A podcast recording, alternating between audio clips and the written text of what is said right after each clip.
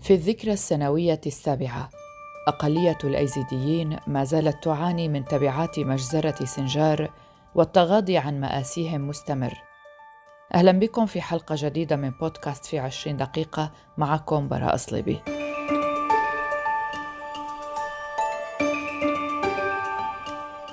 في 2014 دخل التنظيم الإرهابي داعش إقليم سنجار وقلب حياة الآلاف رأسا على عقب. قام التنظيم الإرهابي باختطاف آلاف النساء وسبي الفتيات كجوار وباعهن في أسواق الموصل والرقة ومناطق احتلاله وفر الآلاف منهم عبر الجبال بحثا عن ملجأ في إقليم كردستان العراق.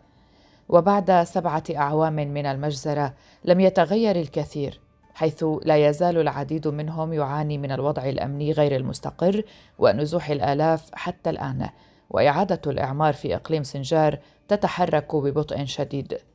ومع الوضع الأمني غير المستقر العديد من الإيزيديين يرغبون في تشكيل قوة حماية خاصة بهم لكن ذلك لم يحدث أيضا. كما لم يتم العثور على العديد من مقابر الإيزيديين الجماعية ولا يزال هناك ثلاثة آلاف امرأة أيزيدية مفقودة ومصيرهن غير معروف.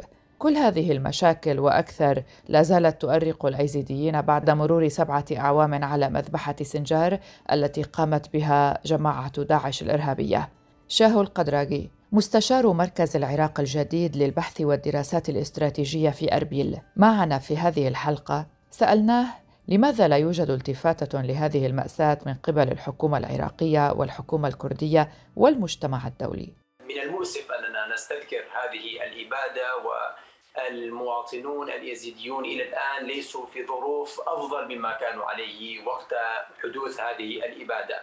للأسف أن الحكومات أو الحكومة العراقية لا تتذكر هذه المأساة أو الإبادات إلا إلا في ذكراها السنوية وبالتالي يتم إطلاق بعض الشعارات التي تتعهد بعدم تكرار هذه الجرائم دون أن تكون هناك استراتيجية لإنهاء الآثار التي ترتبت على هذه الإبادة. يعني نحن نرى أننا عندما ندرس أو عندما نبحث عن هذه الآثار هذه الجريمة نرى أنها الحكومة العراقية فشلت في توفير البيئة اللازمة لعودة الإيزيديين بطريقة أنه نسمع عن هجرات عكسية. يعني المواطنون في إقليم كردستان الذين قرروا العودة إلى مناطقهم الآن قرروا أن يعودوا إلى يعني ينزحوا مرة أخرى بسبب غياب أو توفر آليات العيش الكريم في هذه المناطق إضافة إلى تحول منطقتهم نعم. إلى منطقة صراع محلي وإقليمي يعني هناك أيضا دول خارجية تتصارع على هذه المنطقة للأسف الحكومة العراقية لم تستطع إلى الآن أن توفر البيئة اللازمة حتى تتجنب تكرار حدوث هذه الجرائم لأننا ليس لدينا الضمان الكافي لعدم تكرار ورؤيه هذه الجرائم مستقبلا وبالتالي يتعلق الأمر بالحكومة العراقية بالدرجه الأولى والدرجه الأساس أيضا نعم. حكومة الإقليم وأيضا المجتمع الدولي. النائبة السابقة في البرلمان العراقي عن المكون الايزيدي السيدة فيان الدخيل أيضا من أربيل سألناها أيضا لماذا لا يوجد اهتمام بمناطق الأيزيديين؟ ولماذا حتى اليوم لا يشعر الأيزيديون بالأمان مع أنه تم دحر داعش من المناطق منذ ذلك الوقت. تنظيم داعش لم يدحر في العراق، هناك صحيح خلايا نائمة بين فترة وأخرى تظهر ولكن هذا الفكر موجود لا يزال للأسف عند البعض. من أهالي هذه المنطقة والدليل على ذلك إحنا لا يزال لدينا الآلاف من المخطوفين هؤلاء المخطوفين بالتأكيد ليسوا في كوكب آخر هم إما في العراق لدى بعض العوائل أو هم في سوريا أو في بعض الدول المجاورة وإلا أين ذهبوا؟ هم لا يزالون موجودين ولكن هناك من يتبنى لا يزال يتبنى هذا الفكر ولا يزال أطفالنا الصغار اللي كانوا صغارا موجودين لدى هؤلاء العوائل. كلام السيدة دخيل يعني أن داعش يمكن أن يشكلوا تهديدا على الإيزيديين لحد الآن. على اليزيديين وعلى غير اليزيديين عندما يخطفون أطفال يزيديين ويبقوهم عندهم لحد اليوم بعد سبع سنوات بالتأكيد بالتأكيد هؤلاء آه، يتبنون فكر معادي للآخر. ولمن لا يكون مع فكرهم. هذا أولا. بالنسبة لسؤالك الشق الأول حول الحكومة الاتحادية وحكومة الإقليم. الحكومة الاتحادية لم تولي هذا الملف اهتماما نهائيا منذ اليوم الأول سوى بعض البيانات وبعض الشعارات في آه، ذكرى آه، مثلا ثلاثة آب أو غيرها أو نعم. ذكرى مذابح كوتشو أو غيرها.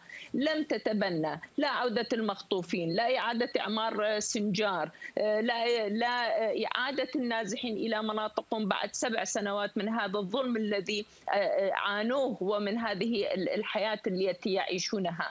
أما بالنسبة لحكومة إقليم كردستان فبحسب ما تستطيع وحسب مواردها أعتقد إنه هذا العدد الكبير من النازحين سواء اليزيديين أو الغير اليزيديين يعني إحنا نعرف قرابة قرابة الأكثر من مليون و900 ألف نازح كان هناك في في 2014 في إقليم كردستان. 90% من اليزيديين والمسيحيين والأقليات الأخرى كانت موجودة في مخيمات في إقليم كردستان ولا زالت على فكرة. آه، الناس عندما تريد أن تعود إلى سنجار وهذا الخراب اللي موجود هناك وهذا الاقتتال اللي موجود أو هناك آه، بعض آه، القوات الغريبة اللي موجودة. هذا لا يشعر الإنسان بالأمان في هذه المنطقة فيضطر إلى العودة مطوفين اليزيديين يعني هذا العدد 3400 امرأة استطاعت العودة. هؤلاء كيف عادوا؟ هؤلاء عادوا بعد تبني حكومة إقليم كردستان بمكتب خاص للمختطفات ومحاولة وإعادتهم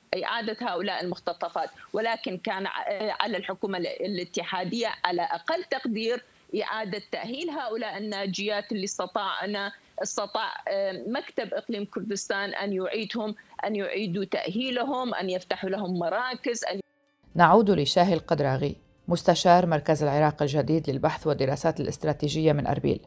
سألناه أيضا أين هو المجتمع الدولي من هذه المأساة وما هو أهم مطلب اليوم للمواطنين الأيزيديين؟ أهم مطلب من مطالب هؤلاء المواطنين هو توفير البيئة الآمنة حتى يعودوا من جديد. نحن إذا تحدثنا عن آه، الاتفاقية التي حصلت بين حكومة الإقليم وحكومة المركز لتطبيع الأوضاع في سنجار وإخراج المسلحين منها نرى أنه من المؤسف إلى الآن لم تتحقق على الرغم من أن الأطراف الدولية قد تستطيع أن تمارس الضغوطات الفعلية لإخراج الأطراف المسلحة في سنجار وبالتالي عودة الأمن والاستقرار إلى المدينة وتوفير الأدوات اللازمة لعودة اليزيديين إليها، عندما يكون هناك سلاح خارج إطار الدولة في هذه المناطق، بالتالي المواطن لن يعود إلى هذه المنطقة، والإعمار لن يعود، والاستثمار لن يعود، وبسبب حساسية هذه المنطقة وأنها قريبة من تركيا وقريبة من سوريا وبالتالي أصبحت بؤرة للصراع والنزاع وهناك أطراف تتصارع عليها. والمسؤولية الكبيرة تقع على عاتق الحكومة العراقية في تنفيذ هذه الاتفاقية وأيضا إخراج هذه العوامل التي تشكل منبعا للصراع. الأطراف الدولية أيضا تتحمل مسؤولية في تشكيل ضغط على هذه الأطراف التي لا تسمح بمعالجة هذا الموضوع، يعني نحن يجب أن نعلم أن هناك طرف إقليمي قد يساهم في زعزعة الاستقرار في هذه المنطقة ويدعم الأطراف المسلحة التي تتواجد في هذه المنطقة، وبالتالي الضغط الدولي قد يلعب دور إيجابي في إعادة الأمن والاستقرار ولكن هذا أيضا لا نشاهده في هذه المناطق، وبدون تحقيق هذا الشرط لا يمكن الحديث عن الخطوة الثانية، خطوة إعادة الإعمار، لأنه لا أحد يعمر إذا رأى أن هناك بوادر للصراع مجددا. وطبعا ما غير أن هناك أيضا أطراف من قد يكون تواجد أو عناصر لداعش الإرهابية التي تفكر في الانتقام مجددا، يعني هذا الأمر أيضا يجب أخذه في الاعتبار لأنه لم يتم التخلص من هذا التنظيم بشكل نهائي إلى الآن، وبالتالي إضافة إلى هذا العامل القديم، العامل الجديد أيضا الأطراف المسلحة، هذه العوامل كلها تشكل بيئة نزاع، بيئة لا تسمح من خلالها أو نعم. داخلها في نمو أو إعمار أي شيء وبالتالي يستمر النزاع والتخوف ولا يستطيع المواطن أن يعود إلى نعم. مناطقه بسبب هذا الخوف. عدنا للسيده فيان الدخيل وسألناها في ظل عدم وجود إعادة إعمار وعدم الأمان وغياب المجتمع الدولي والمساعدات الشحيحة، موجات النزوح الكبيرة عند الأيزيديين ألا تؤثر على النسيج الأيزيدي وعلى القضية بشكل عام؟ للأسف الوضع العام اللي موجود في العراق بشكل عام في كل المحافظات العراقية تشجع الشباب خاصة وتشجع الناس على الهجرة والخروج من العراق يعني العراق هذا البلد الغني اللي بكل هذه الثروات. ونجد إنه آه، يعني الحياة أبسط مقومات الحياة لا توجد فيها. فهذا لا ينطبق فقط على الأقليات حتى بقية المواطنين في بقية المحافظات هم يشجعون على الهجرة آه، نتيجة الظروف السيئة والفساد اللي مستشري فيه مؤسسات آه، العراق. ولكن بالتأكيد سيكون الضغط أكبر على الأقليات وخاصة اليزيديين بعد الظروف اللي هم موجودين فيها لا يعيشون في مناطقهم. التنظيم ارتكب مجزرة سنجار بحق أقلية الأيزيديين في شهر آب أغسطس عام 2014 وصلت بعض التقديرات للمجزرة إلى ما بين 2000 و 5000 ضحية. ولم يكتفي التنظيم بهذه المجزرة بل قام بسبي الفتيات الأيزيديات وأخذهن كجوار وتم بيعهن في أسواق الموصل والرقة والمناطق الأخرى التي كان يحتلها. جرت هذه المجزرة بعد انسحاب قوات البشمركة من مدن سنجار وضواحيها حيث وسع التنظيم صراعه إلى داخل إقليم كردستان في شمال العراق عندها.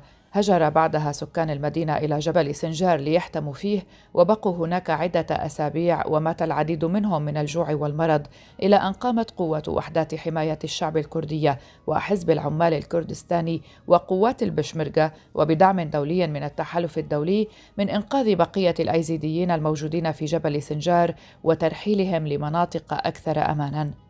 من أربيل البرلماني السابق وقائل مقام قضاء سنجار المهندس محمى خليل علي آغا كان ضيف استوديو الآن في تلفزيون الآن. سنستمع إلى ما قاله. نحن كإدارة سنجار طالبنا المجتمع الدولي مرارا وتكرارا بإعطاء الحقوق الدستورية والقانونية لهذا المكون المنكوب والتي جرى عليه ظلمات الزمان وجرى بحقهم أبشع جرائم ينذل لها جبين الإنسانية ولذلك أردنا أن تكون هنالك ملاط آمن وتطبيق القانون وتطبيق اتفاقية السنجار الموقع بين الحكومتين الحكومة العراقية والحكومة الأقليمية كردستان بشرعية أممية وبدعم وإسناد من الدول التحالف والدول الصديقة. وعليه آه، أردنا أن تكون هنالك خروج المجاميع الغير الشرعية المنفلتة المجاميع الأسلحة المنفلتة وفرض سيطرة القانون. طالب محمى خليل علي آغا بجلاء حزب العمل الكردستاني وإنهاء البي كي بالكامل. سألناه هل برأيك سيتحقق ذلك؟ أصبحت وجودهم عائق ومعوق آه، للتعايش السلمي وإعمار السنجار والعودة النازحين. بالتأكيد إذا تبلورت الإرادة الوطنية لدى الحكومة العراقية ولم تتعرض إلى أجندات خارجية وأجندات أقليمية من نعم. دولة جارة لأن وجود الحزب العمال الكردستاني لا يخدم العراق ولا يخدم اليزيديين ولا يخدم السنجار ولا يخدم الأقليمي كردستان آه، نحن في فترة من الفترات قدمنا لهم لهم الشكر والعرفان بمحاربتهم معنا في داعش انتهت الداعش كما ذهبت البيشمركة إلى كوباني وحررت الكوباني وتركت الكوباني للكوبانيين. إيه؟ أردنا أن تترجم هذه ال ال ال الخطوات على أرض السنجار ولكن للأسف الشديد تحالف الحزب العمال الكردستاني مع بعض المجاميع الحشد الشعبي الموالاة للإيران. أصبح عائقا ومعوقا وأصبح السنجار بالنسبة للحزب العمال الكردستاني الملاذ الامن لهم ثم المنفذ الاقتصادي لهم ثم المنفذ الجيوسياسي والجغرافي والجيوستراتيجي لهم لمصلحة الحزب العمال الكردستاني بنفسه. أن تتركوا الآن حان الوقت ترك السنجار لأن اتفاقيات الدستور كل القوانين. في آذار مارس 2015 وصفت الأمم المتحدة الهجوم على الأيزيديين بأنه محاولة إبادة جماعية وكان مجلس النواب البلجيكي قد أقر في يوليو الماضي بإجماع أعضائه قرارا اعترف فيه بارتكاب تنظيم داعش جريمة إبادة جماعية بحق الأقلية الأيزيدية في العراق. سيبان تستعيد ذكرياتها المؤلمة بعد تحريرها. تجسد سيبان مأساة شعب بأكمله حيث كان لها نصيب كباقي الأيزيديين من التشرد والضياع على يد تنظيم داعش. يعني طلعنا من بين إيديهم جسد بلا روح.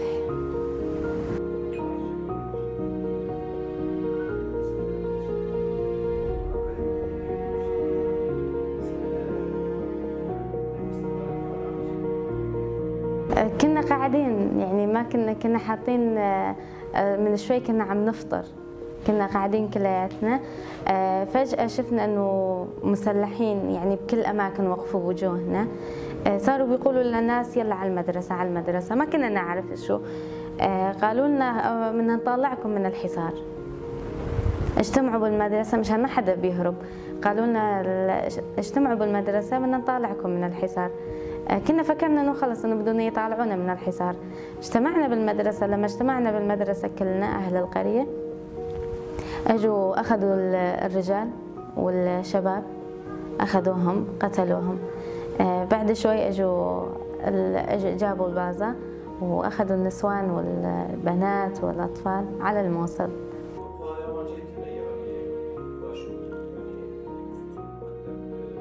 كنا قاعدين بالمدرسة لما قتلوهم كانوا في أولاد نقوهم أولاد صغار كانوا بالعمر كانوا ماخذينهم كمان مشان يقتلوهم. آه، فرجعوا هذول الأولاد الصغار. لما أجوا لعندنا قالوا قتلوا الرجال كلهم.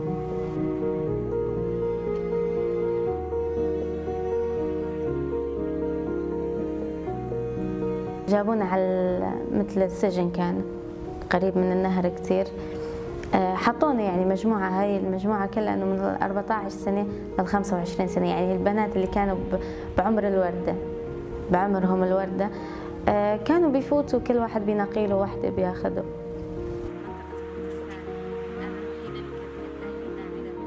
هلا ماني حاطة ببالي شيء غير إني أقعد وأحضن أمي.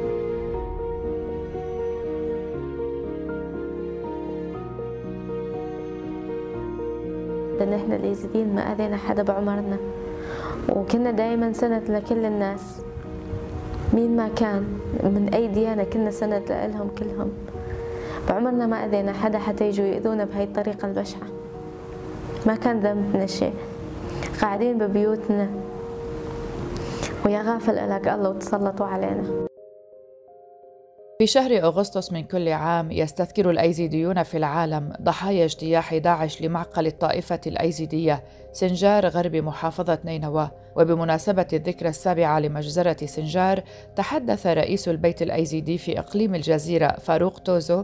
تحدث لأخبار الآن وقال إن ما حدث هناك جريمة كبرى لأن الأيزيديين لم يعتدوا على أحد متسائلا عن سبب استهداف التنظيم الإرهابي للمدينة ومن دعمه. ولماذا حدثت تلك المجزرة؟ نحن الآن آه، في هذه الأيام مقبلون على الذكرى السابعة لمجزرة شنغال التي نفذها تنظيم داعش الإرهابي. طبعا من خلال معرفة الجميع بطبع الإيزيديين وخاصة في مناطق شنغال هذه جريمة كبرى كانت لأن الإيزيديون بطبيعتهم لم يعتدوا على أحد ولم تسجل أي حادثة عبر التاريخ بمعاملة سيئة من الإيزيديين للجوار ومع المقربون لهم. هنا يتبادر إلى الذهن لماذا استهدف هذا التنظيم ومن دعمه للقضاء على الجذور الإيزيدية التي نحن نعتبر طبعا العمق الحقيقي لكل الإيزيديين في جميع المناطق سواء في سوريا أو في العراق أو في العالم. شنغال مهد الديانة الإيزيدية وبقاء شنغال هو بقاء لكل الإيزيديين. طبعا نحن في البيت الإيزيدي عندما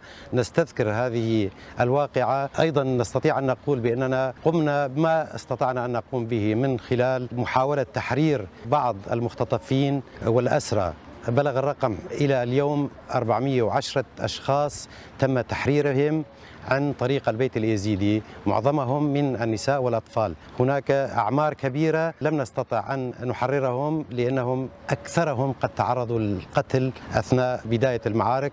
استطاعوا أن يحتفظوا فقط بالنساء كجاريات لتشجيع سوق النخاسة في ذلك الوقت وإلى الآن في المناطق التي هم يتنفذون فيها. الآن هناك مبادرات قد خرجت من بعض البرلمانات الأوروبية بإعلان آه، واقعة سنجار ك genocide أو كمجزرة حقيقية إبادة عرقية، ما نتمناه نحن كي نستطيع أن نقول بأن هناك تعويض لهذه الآلام التي تعرضت لها مناطق شنغال والإيزيديون بشكل عام أن تبادر كافة البرلمانات أن يبادر أو تبادر منظمة الأمم المتحدة أيضا إلى إعلان إعلان هذه الواقعة كإبادة عرقية وإبادة شعب بكامله genocide. هذا ما نتمناه وهذا يكون هو التعويض الحقيقي لكل ما تعرض له أهل شنغال. هذه كانت حلقة من بودكاست في عشرين دقيقة من إعدادي وتقديمي براء سليبي. شكرا لكم لحسن المتابعة. إلى اللقاء.